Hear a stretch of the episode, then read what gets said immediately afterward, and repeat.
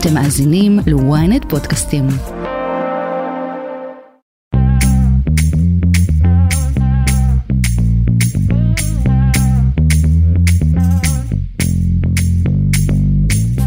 שלום לכם, אתם על כסף חדש, הפודקאסט הכלכלי היומי של ynet, שבוע טוב. יום ראשון, 23 ביולי, פותחים שבוע סוער, אולי היסטורי, בצל האישור המתוכנן של ביטול עילת הסבירות מחר בכנסת, על רקע המחאות שמתגברות והלחץ להשבית את המשק. אנחנו נפתח את כסף חדש עם הלחץ שמופעל על ההסתדרות להשבית את הכלכלה הישראלית, זה הגיע לשיא בסוף השבוע, וגם הבוקר עם ההודעה של בכירי המשק מפורום העסקים של ישראל שהם מוכנים לעצור את הפעילות, אבל הם מחכים להסתדרות. אנחנו ננסה להבין למה המנהלים של החברות הגדולות ביותר והחשובות ביותר במשק צריכים בכלל לחכות לארנון בר דוד ולא משביתים בעצמם, ואיך כל זה קשור לשכר שיקבלו או לא יקבלו העובדים במידה ואכן תהיה שביתה. למעסיק בישראל אין זכות השבתה. יש לו זכות להתגונן בפני שביתה שהכריז ארגון עובדים, שבגללה הוא לא יכול לספק לעובדים אחרים שלו, שלא שובתים, עבודה. עוד בפוד, נדבר על סוכנויות הדירוג הבינלאומיות, שכזכור ציינו בהחלטות הקודמות שלהן שלא להוריד את תחזית הדירוג של ישראל, שהן מתבססות על כך שהחקיקה תיעשה בסוף בהסכמה רחבה. בין היתר, דווח שזה גם מה שנתניהו, ראש הממשלה והרצוג, נשיא המדינה, הבטיחו להם בעצמם. כעת נשאלת השאלה, מה יעשו בסוכנויות כשיראו שהחקיקה נעשית בצורה חד צדדית, הרחובות לוהטים ואי הוודאות שולטת. סביר להניח שאנחנו נראה הורדה בתחזית, גם הורדה בתחזית היא מאוד משמעותית, היא מאותתת לשוק. אה, הורדת דירוג אני מניח שהחברות יהיו זהירות והם יבצעו בפועל רק כשיהיה חקיקה משמעותית. לסיום, שמונה חודשים אחרי שנחתם מזכר הבנות לרכישת השליטה של הפניקס על ידי קרן ממשלתית מאבו דאבי, נודע הבוקר שהעסקה בוטלה. אנחנו ננסה להבין מה הייתה הבעייתיות מלכתחילה בעסקה ומי המפסידים הגדולים מהביטול שלה. אני רועי כץ, עורכת את הפוד היום שקד אילת. נדב ברכה הוא על הביצוע הטכני. כסף חדש, הפודקאסט הכלכלי היומי של ynet. הנה, אנחנו מתחילים. כסף חדש, הפודקאסט הכלכלי היומי של ynet, אנחנו מתחילים. נמשך הלחץ הכבד על ההסתדרות להשבית את המשק, אה, בינתיים עשרות בכירים במשק שמאוגדים תחת פורום העסקים הודיעו שהם מוכנים, זה ציטוט, לעצור את הפעילות במשק, אבל גם הם מחכים לתוצאות הדיון של ההסתדרות. ברקע, ארנון בר דוד מפרסם מתווה פשרה וקורא לצדדים להיענות לו, ואנחנו רוצים פה להבין למה ההסתדרות ההסתדרות תופסת עמדה כל כך בכירה ומשמעותית בתוך המאמץ הזה, וגם אה, האם השאלה מי מכריז על שביתה קשורה גם לתוצאות אם תקבלו שכר או לא, במידה ובסוף תהיה שביתה.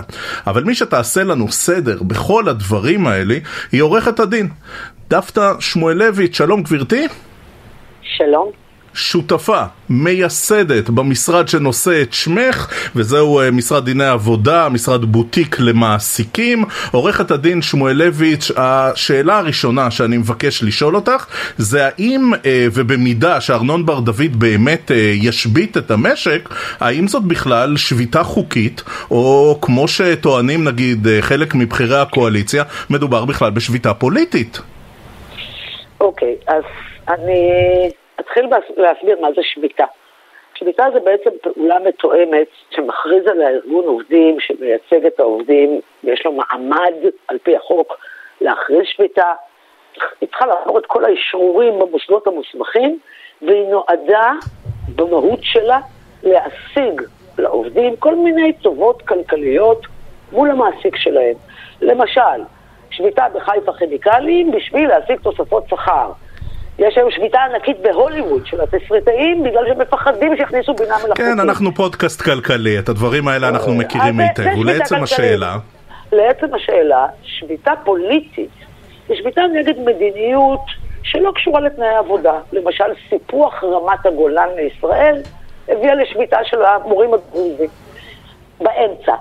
בין שתי השביתות האלה, הכלכלית הטהורה והפוליטית הטהורה, יש שביתה שנקראת מעין פוליטית.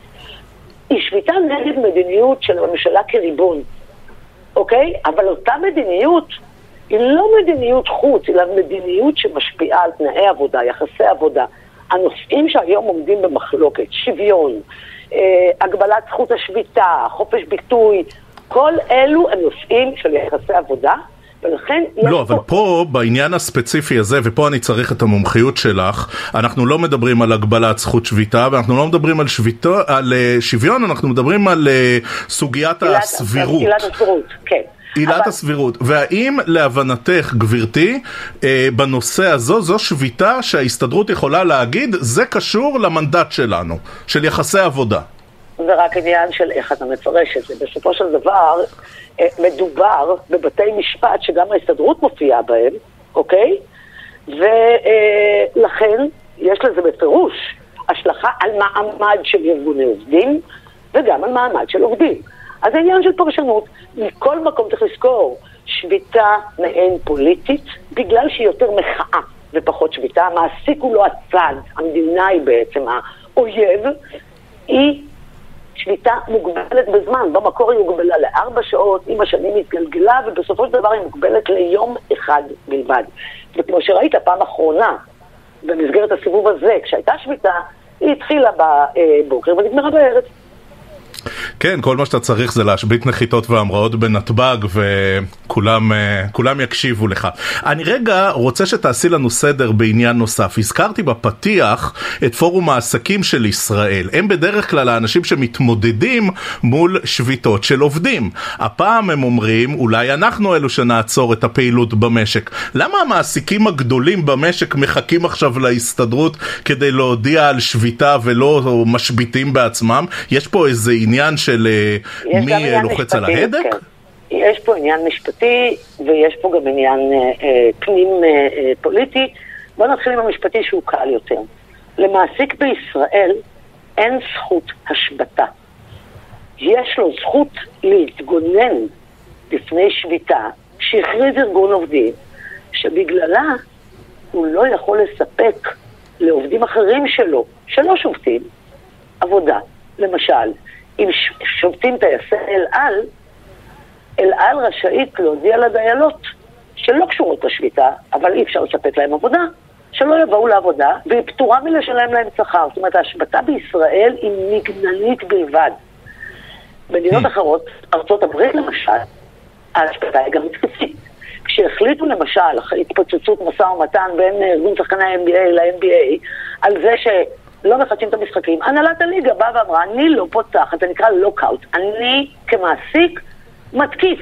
אני לא פותח את מקום העבודה ולא מספק אה, אה, עבודה. המשמעות היא, מי, המשמעות היא למעשה חובת תשלום שכר לעובדים.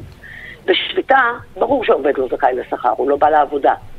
בהשבתה, רק אם היא מגדנית, בתגובת נגד להקטנת נזקים, המעסיק פטור מלשלם שכר, ולכן במקרה הזה המעסיקים צריכים לשבת על הגדר ולא יכולים להשבית ביוזמתם.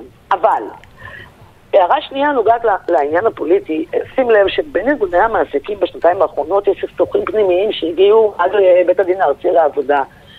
יש את התאחדות התעשיינים ולשכת המסחר מצד אחד, ואת לשכת התיאום מצד שני, אז גם, גם זה בא לידי ביטוי בעמדות השונות. והעיקר, לא חייבים להשבית בשביל לאפשר לעובדים שלך להביע את עמדתך נגד המהפכה המשטרית או נגד עילת הסבירות. מעסיק רשאי כן. להוציא את העובדים לחופשה ביוזמתו, הוא לא חייב להוציא את כולם, הוא יכול להוציא חלק. הוא יכול לעשות צוותים, הוא יכול לעצור את כל הפעילות, הוא יכול לעצור רק אה, אה, אה, משמרות מסוימות ולהגיד לעובדים, אתם תלכו לשפוט. אני אספוג את יום החופש הזה על חשבוני. הדברים ברורים. בואי אה, נתמקד ברשותך. בוא נוסיף עוד אלמנט. גם ההסתדרות, אם היא באמת באמת באמת רוצה להוביל את המחאה ולפגוע פחות בכיס של המעסיקים ושל העובדים, יכולה לממן עם המעסיקים חצי חצי. יש לה קרן שביתה מפוצצת בכסף, שהיא יכולה לקחת ממנה לתרום חצי יום, המעסיק חצי יום, והנה העובד ילך לשבות בלי להפציץ שכר. אז רגע, עורכת הדין שמואלביץ', תעשי לנו רגע אה, סדר בנושא של עובדי מדינה. במידה ותוכרז שביתה, מה הזכויות שלהם בנוגע לשביתה כזו? מותר להם, אסור להם, הם יכולים לעבוד, אסור להם לעבוד? אז קודם כל, אה, שים לב, ואי אפשר להתעלם מזה, זו אומנם השערה שלי והיא לא בדוקה, שים לב לזה שההסתדרות נמנעת מלצרף לשביתה אה, כמה ימים אחרי שהיא חתמה על הסכם מסגרת בשירות הציבורי עם תוספות שכר עד 2027. אוקיי? אז למימד הזה יש חשיבות. לגבי עובדי המדינה, יש פסיקה חדשה בנושא מרתקת של בית הדין הארצי בשאלה האם פרקליט ובכלל עובדי השירות המשפטי ועובדים נוספים שהוא על חופש הביטוי שלהם רשאים לקחת חלק בהפגנות והאם ההפגנות היום הן בעלות אופי מדיני. התשובה היא שהפגנה בעלת אופי מדיני לא חייבת להיות רק במדיניות חוץ, אלא גם בעניינים פוליטיים פנימיים ולפרקליטים, כמו לכל מי שעוסק באכיפת החוק. אסור להשתתף בהפגנה, יש מגבלות על חופש הביטוי שלו, בגלל נראות פני השירות הציבורי. האנשים האלה אמורים להיות א-פוליטיים, בדיוק כמו שלסוהרים ואנשי שב"כ ואנשי מודיעין וחיילים אסור לשבות ולהתארגן בכלל. אז הפרקליט שהיו לו נסיבות אישיות אה, יוצאות דופן, הוא רצה להשתתף ולהפגין משום שבנו חבר בקהילייה הלהט"בית ואיים בעזיבת המדינה אם החקיקה אה, אה, תעבור ובגלל זה הוא רצה להפגין, נאסר עליו ובדין נאסר עליו לפי פסק הדין של בית הדין הארצי לעבודה. אני מכניס עוד נושא ברשותך. ברור, אני מכניס אה, עוד נושא. הזכרת קודם את חילוקי הדעות במגזר העסקי, אבל גם בתוך ההסתדרות יש אה, נכון. חילוקי דעות. אה, ראינו מוכתב ממוקדם יותר היום, התנגדות של ראשי ארגוני עובדים לנקיטת עמדה. הם אומרים, זה ציטוט, אנו ועדי עובדים במגזר הציבורי פונים אליך, יושב ראש ההסתדרות במרחב ירושלים, בשעה גורלית, לשמור על ההסתדרות החדשה, הבית של העובדים בישראל, כהסתדרות מקצועית ולא פוליטית. דורשים בצורה הברורה והנחרצת ביותר, הכל ציטוטים, להשאיר את ועדי העובדים והעובדות מחוץ למחלוקת פוליטית זו או אחרת, חתומים על זה יושבי ראש במינהל מקרקעי ישראל ובעיריית ירושלים ובמס הכנסה ובשערי צדק ובמשרד החינוך. בקיצור, ועדים גדולים. אנחנו רואים שהשאלה הזאת, האם השביתה הזאת היא שביתה אה, בסמכות ההסתדרות או שנוגעים פה בסוגיות אה, פוליטיות, היא גם בתוך ועדי העובדים, שאגב חלקם מזוהים לגמרי גם עם הליכוד. נכון, ויש פה, שוב, אתה נכנס לתוך פוליטיקה פנימית ואני שוב נמצאת במישור של השערות ולא במישור של ידע. קודם כל, כמו שאתה מבין, ההסתדרות היא גוף סופר פוליטי, יש בו כמה וכמה מפלגות שפועלות פה. אתה מסתכל על מי נמצא במכתב, ואני רואה את מי שלא נמצא בו, ועדים גדולים שאינם נמצאים בו, ואני גם רואה שהוא מופנה אך ורק ליו"ר ההסתדרות במרחב ירושלים, ולא לארנון דוד. כך שיש גם פה, אה, מן הסתם, מעורבבים שיקולים אה, של כדאיות כאלה ואחרים. אני למשל לא רואה מכתב לארנון עם אה, חברת חשמל או הוועד הכללי של המוסד לביטוח לאומי, יש הרבה מאוד דוגמאות שאני יכולה לתת לך. הסיפור הוא כזה, בשביתה מעין פוליטית, כשההסתדרות מחליטה להירתם כולה תחת מטרה מסוימת, היא צריכה להחליט קודם כל כארגון, שבראשו עומד מבוגר אחראי ובינה, שזה בית נבחרי ההסתדרות, לאן או מה תפקידה במחאה מהסוג הזה? האם היא אמורה לשבת על הגדר? האם היא אמורה להצטרף אליה אחרי אה, שלושה חודשים, שמונה חודשים? האם היא אמורה לתת רק אה, את שירותי תיווך ופשרה? או שהיא אמורה להוביל אותה?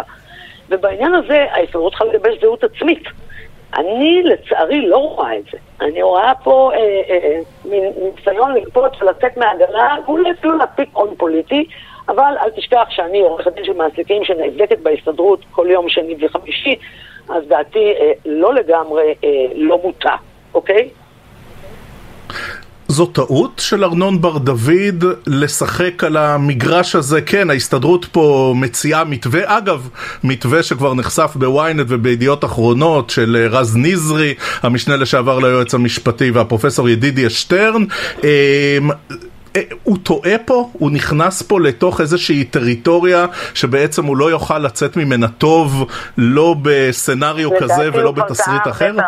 לדעתי הוא כבר הרבה פעמים בדרך, כי כמה שבועות אחרי שחבר הכנסת אה, שמחה רוטמן פרסם את הצעת החוק שמגבילה את זכות השביתה, שאוסרת על שביתה בשירותים הציבוריים.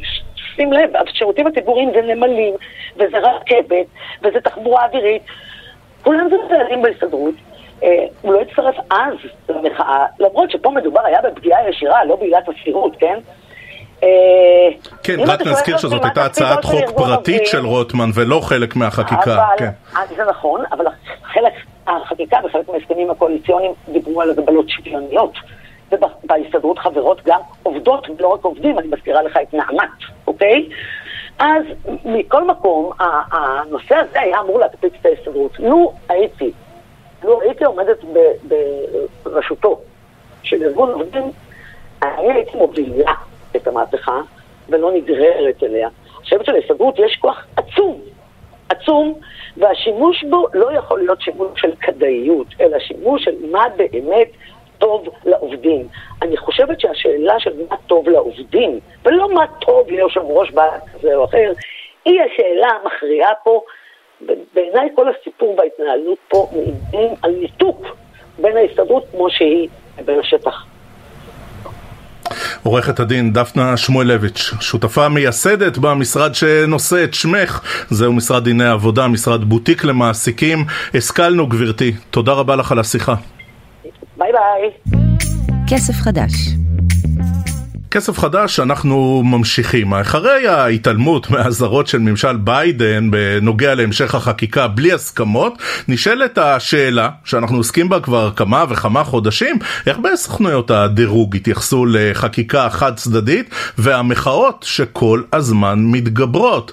ברקע נזכיר, ולפי ההחלטות והאזהרות הדירוג הקודמות, דווח שנתניהו התחייב בפני הסוכנויות שחקיקה תעבור רק בהסכמה, והיו שם מאמצים של ממש, גם של נשיא המדינה, גם של ראש הממשלה, לנסות ולצמצם את הביקורת של חברות הדירוג, ועל סמך ההבטחות האלה, גם אה, תחזיות הדירוג לא השתנו. אנחנו רוצים להיעזר בעניין הזה ביושב ראש פירמה, פירמת הייעוץ אורן בישראל, שלום אופיר אנג'ל. שלום רועי. טוב, בואו נדבר אה, ספציפית נגיד על אה, פיץ' שאנחנו יודעים שמשלחת אה, סוכנות הדירוג הייתה פה בשבוע שעבר. אה, איך הם צריכים להתייחס לכל מה שקורה פה עכשיו אה, בהמשך החקיקה, עם ובלי קשר להבטחות של אה, בכירי הקואליציה והממשלה מלפני כחודשיים? תראה, רועי פיץ', כנראה כמו שתי סוכנויות הדירוג הנוספות, שבדרך כלל עוקבות אחריה באיזה מרחק של כמה שבועות, אה, צריכים להיות סקפטיים, מאחר והדירוג הנוכחי נשאר כידוע לנו ומבוסס על ההבטחות שבכירים בממשלה שלנו אה, סיפקו, ומערכת הבנקאית שלנו סיפקה אה, לחברות הדירוג. והם בוודאי מושפעים גם ממה שהם רואים בתקשורת, ברחובות אצלנו, וגם מזה שלא מצליחים להגיע עדיין להסכמות, ועל זה בעצם מתבסס כל הדירוג שלהם עד עכשיו וההשערה שלו באותו, באותו גובה דירוג. עכשיו, מקריאה אינטנסיבית גם של, אה, גם של הדוחות של חברות הדירוג וגם של גופים בינלאומיים אחרים, ה-IMF, קרן המטבע וה-OECD, יש תמיד איזה פער, אופיר, בין מה שהם אומרים, נתוני המקרו של ישראל, שהם תמיד מציינים אותם כנתונים טובים ואפילו טובים יחסית, גם נתוני אינפלציה, ובין החשש מ ואי הוודאות ש. אז בעצם מה אנחנו יכולים לראות פה? אה, לא סביר שנראה הורדת דירוג, מקסימום אולי הורדה בתחזית, נכון? סביר להניח שאנחנו נראה הורדה בתחזית, גם הורדה בתחזית היא מאוד משמעותית, היא מאותתת לשוק. אה, הורדת דירוג אני מניח שהחברות יהיו זהירות והם יבצעו בפועל רק כשיהיה חקיקה אה, משמעותית לפי ההנחה שלהם ולפי הדעה שלהם. אל תשכח שהשוק האמריקאי הוא אחד מהשווקים המשפיעים עלינו ביותר. אה, גם מה שהיה בשיחה בין ביידן לנתניהו והפער שהוצג לתקשורת זה אחד מהתמריצים של הסוכניות דירוג לבדוק עוד פעם את מצבנו, לראות את הצפי שלנו. כל הדברים האלה ביחד משפיעים על, על תחזית הצמיחה שהחברות האלה רואות אצלנו. אז אומנם הן תמיד, בוודאי מציינות שגם בעבר אנחנו כלכלה יציבה וחזקה, אבל אני אזכיר לך שתחזית הצמיחה לפני שנה הייתה שישה אחוזים ומעלה, והיום תחזית הצמיחה של שלושת החברות היא סביב ה-1.5 אחוזים. זה נמוך מאוד ביחס לצפי האופטימי שהיה לנו, וזה משפיע על המשקיעים וכמובן על אנשי העסקים גם בארץ וגם בחו"ל שמסתכלים עלינו ומסתכלים על חברות הדירוג. אנחנו יודעים שפיץ' פגשו בסוף הסיור שלהם בישראל, זה, זה דבר שהוא נהוג והוא קבוע, פגשו את נגיד בנק ישראל פרופסור אמיר ירון.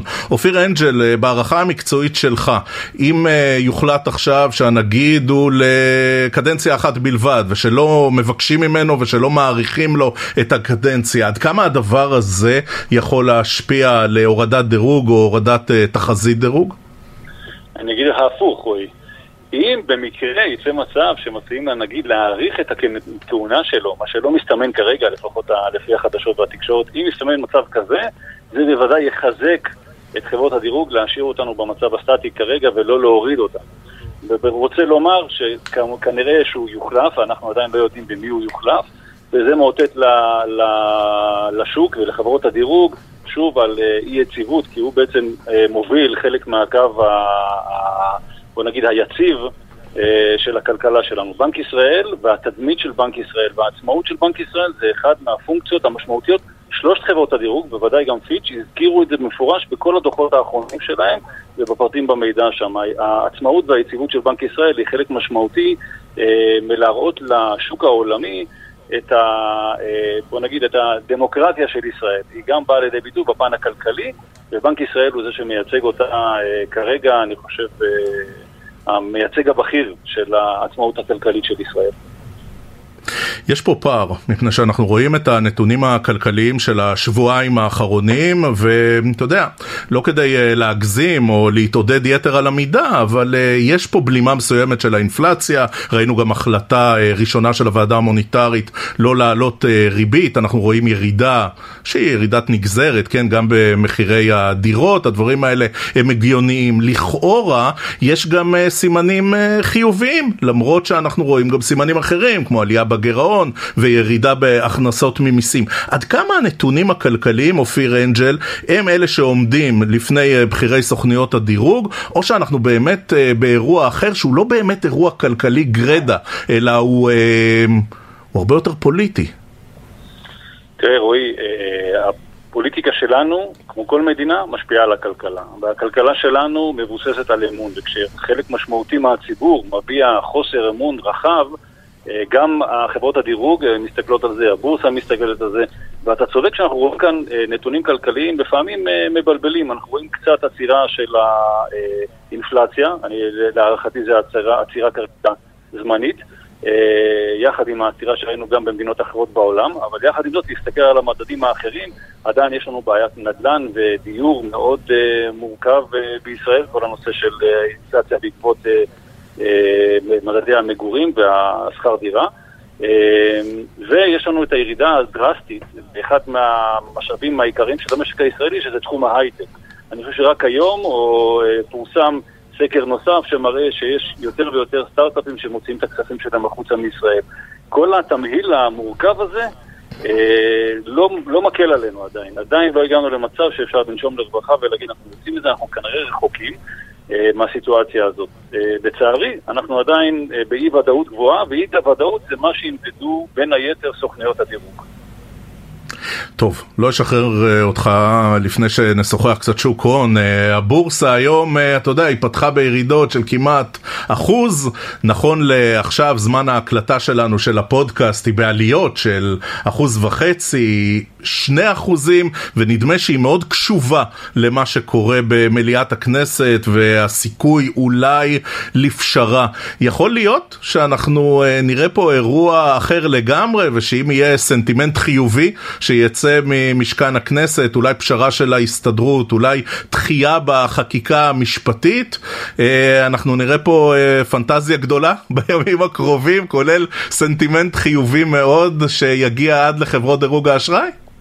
תראה, רועי, אני חושב שרוב הציבור ישמח שיגיעו לפשרות אה, ויגיעו להבנות והדברים יעשו אה, בהסכמה, כי עוד פעם, אנחנו מסתכלים על הפן הכלכלי, זה משפיע באופן ישיר על הכלכלה שלנו. הבורסה משקפת את החוסר ודאות, ואנחנו ראינו בימים האחרונים, אפילו בשעות האחרונות, ראינו תנודתיות, אה, נקרא לזה תנודתיות חריגה, יש שיגידו אפילו תנודתיות מטורפת. וברור לך שכשיש תנודתיות כזאת, בדרך כלל מי שחוגג ונהנה מזה זה הספקולנטים. רוב הציבור ניזוק בדרך כלל, כי המוסדיים, ששם הכסף של כולנו מושקע, לוקח להם יותר זמן להגיב, הם צריכים הרבה יותר מנגנוני הגנה, ואז בסופו של תהליך הציבור אה, ניזוק מהתנודתיות הזאת והספקולנטים אה, מרוויחים.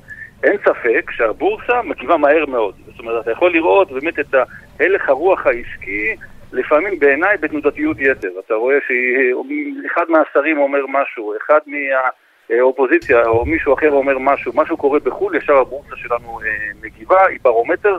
לטעמי, אולי לפעמים רגיש מדי לתהליכים ולא אמיתי. אה, אבל מה לעשות, כולנו מסתמכים על הבורסה וחיים, וחלק גדול מהחסכונות שלנו אה, נמצא או צמוד אה, לתהליכים שקורים בבורסה, ולכן תנודתיות באופן עקרוני פחות טובה לנו, אנחנו נשאף לימים רגועים ויציבים יותר. לא משעמם פה. אופיר אנג'ל, יושב ראש פירמת הייעוץ, אורן ישראל, תודה, תודה רבה על השיחה. רועי, תודה לך ותודה למאזינים. כסף חדש כסף חדש לנושא האחרון שלנו היום. שמונה חודשים לאחר שנחתם מזכר ההבנות לרכישת השליטה בחברת הביטוח הפניקס על ידי קרן מאבו דאבי, החברה מודיעה לבורסה הבוקר, יום ראשון, על ביטול העסקה להעברת השליטה. נכון, יהיה ניסיון לקדם עסקה למכירת חלק קטן יותר מהמניות, אבל ביטול העסקה נובע, וזה ציטוט, מהמגבלות הרגולטוריות האפשריות שהיו מתעוררות כתוצאה מרכישת גרעין השליטה. שלום לכתבתנו נבית זומר. שלום וברכה. את יודעת, נבית, אני נזכר שמונה חודשים אחורה, כשרק יצאה הידיעה על זה, וגם שוחחנו אז בכסף חדש, את היית מאוד סקפטית. את אמרת לי נכון. אז, רועי, אה, לא להתלהב יותר מדי, יש סיכוי גדול שהעסקה הזאת לא תצא אל הפועל. נכון, נכון. לכן זה לא הפתיע ההודעה היום, היא... היא פשוט אה, פורמלית נמסרה, אבל בעצם ידענו את זה כבר, ופרסמנו בוויינט לפני, אני חושבת, חודשיים, שלא הוגשה, עשינו בדיקה, לא הוגשה בכלל בקשה, זאת אומרת, מעבר ל, להודעה של הישנה מלפני שמונה חודשים, לא קרה בשטח כלום, כי מקורות שהיו מקורבים לעסקה הזאת אמרו שלא קיבלו איתות חיובי מממשלת ישראל. ואם אתה זוכר, העסקה הזאת לא התקבלה ממש בצהלות, מפני שהיה חשש נורא גדול, כי הפניקס מנהלת 60 מיליארד שקל כספי פנסיה של לקוחות. והחשש היה שמדינה שבכל זאת, כרגע היא מדינה ידידותית איתנו, אבל עד לפני, אפשר להגיד כמה ימים בפרזה, הייתה מדינת אויב, אה, תהיה לה נגיעה ושליטה בכספי פנסיה. ויותר מזה, הפניקס היא לא רק חברת ביטוח, היא גם חברת השקעות, יש לה המון השקעות ריאליות. בחברת התרופות רפה, ברשת המזון ינות ביטן, לא הרבה יודעים שהיא שותפה שמה. בהרבה מאוד גופים, ובעצם זה נתן כרטיס טיסה, כרטיס כניסה, סליחה, אה, גם להחזקות ריאליות בחברות ישראליות. והיה חשש נורא גדול מהעניין הזה. והיה ברור... אז רגע, מה אנחנו, שה... צריכים, אה, מה אנחנו צריכים להבין על הסכמי אברהם? שזה הכל uh, טוב ויפה ברמות של השקעות uh, חצי טקטיות, אבל ברגע שזה מגיע להשקעות uh, אסטרטגיות, השקעות uh, גדולות ומשמעותיות של קרנות ממשלתיות, שם uh, אולי רשות שוק הון, אולי הפיקוח על הבנקים, היו uh, כבר שואלים כמה שאלות קשות והורגים את זה ברגולציה. זה דילמה מאוד קשה, אני מודה. זאת אומרת, מי שעומד, אה, הרגולטורים או מי שעומד מעליהם, זה דילמה קשה, כי מצד אחד אתה רוצה להוכיח שאכן אה, אה, הסכמי אברהם הם הסכמים שתופסים והשקעות והכול, אבל מצד שני אתה חייב לעמוד על המשמר. אני, לשמחתי הרבה, לא אני זאת שצריכה להכריע, אבל אני מודה שאם הייתי צריכה להכריע, זה לא פשוט. יש לזה היבטים לפה ולשם. אבל בכל זאת, כספי פנסיה, אתה יודע, זה נקודה נורא נורא רגישה. מישהו בזמנו אמר לי, תיאר לי נורא יפה את הסיטואציה. הוא אמר לי שכשראשי אה, המדינה באו ופתחו בפניהם את האפשרות להשקיע בישראל וזה, כאילו פתחו את הבופה, הם לא תיארו שהם ילכו על המנה העיקרית.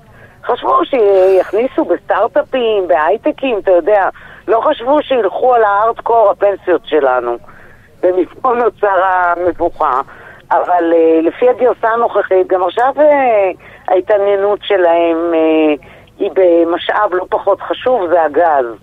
הגרסה עכשיו שנמסרת מפי המקורבים שלהם, זה שהם בעצם מסיבות ריכוזיות ויתרו על הפניקס כי הם מעוניינים לרכוש מניות בחברת ניומט, שזה חברת חיפושי הגז של דלק של, שבשליטת תשובה. גם גז זה mm. מאגר, אתה יודע, זה חומר אסטרטגי. אבל בואו נראה מה יהיה עם הגז. כן, אנחנו גם רואים... אנחנו גם רואים את הסינים ואת ההודים אה, בנמלי הים ובתשתיות אחרות אה, נכון. ואנחנו מבינים שיש פה אה, כניסה של מדינות שהן לא בדיוק פרסומת נגיד למדינות דמוקרטיות, חלקן, חלקן לפחות. אמונה, אמונה בצדקת הכסף. Uh, תסבירי לי רגע, נבית, וגם למאזינים, כן. מה זה אומר uh, בהודעה, ואולי זה סתם, את יודעת, uh, טחינת מים, מה זה ניסיון כן. לקדם עסקה חלופית לרכישת מניות ללא שליטה? אז עדיין יש איזה עניין הדדי, או שזה, לא, או שזה לא, סתם? לא. אין לזה משמעות. היה להם בעסקה הקודמת איזה סעיף על 2% שהם כנראה בתנאים הם יממשו את זה בתנאים של אבא ויש להם רווח מיידי. שני אחוז באמת זה לא... אין לזה משמעות מבחינת החזקות. פשוט הם כן. עושים על זה רווח מהיר כי מאז עלה השווי ויש להם אפשרות לעשות סיבוב על זה. אה, רק כי הזיכרון שלנו... רק כי הזיכרון שלנו קצת קצר, או לפחות שלי, מי אותה קרן ADQ מאבו דאבי? מה, מה המאפיינים שלה? זה קרן השקעות שמשקיעה בכל דבר שזז. זאת אומרת, אין לה מגבלות לגבי מה להשקיע. אה, היא מנהלת 150 מיליארד אה, אה, שקל השקעות, זה המון, ובהמון ארצות. למשל בישראל טענו שהיא השקיעה, שהייתה גם פעילה בישראל שהיא השקיעה בקרן השביעית של פימי. שפימי עשתה גיוס, פימי mm. זה הקרן השקעות הפרטית הגדולה, שהיא הייתה אחת מה... וגם ב... דרך איזה קרן בת שלה אה, ב, בחברת אה, אה, ביופוד, בחברת אה, פודטק של אה, שטראוס, חברה שמתעסקת עם אה, בשר, אה, בשר חילופי, מה כן. שנקרא. אז היא גם עשתה שם mm-hmm. איזו השקעה קטנה. אבל אה, באמת, זו קרן שמשקיעה בכל העולם. אה, ממשל, היא שייכת לממשלת עבודה, וזה הדבר הכי חשוב שצריך לציין, כן?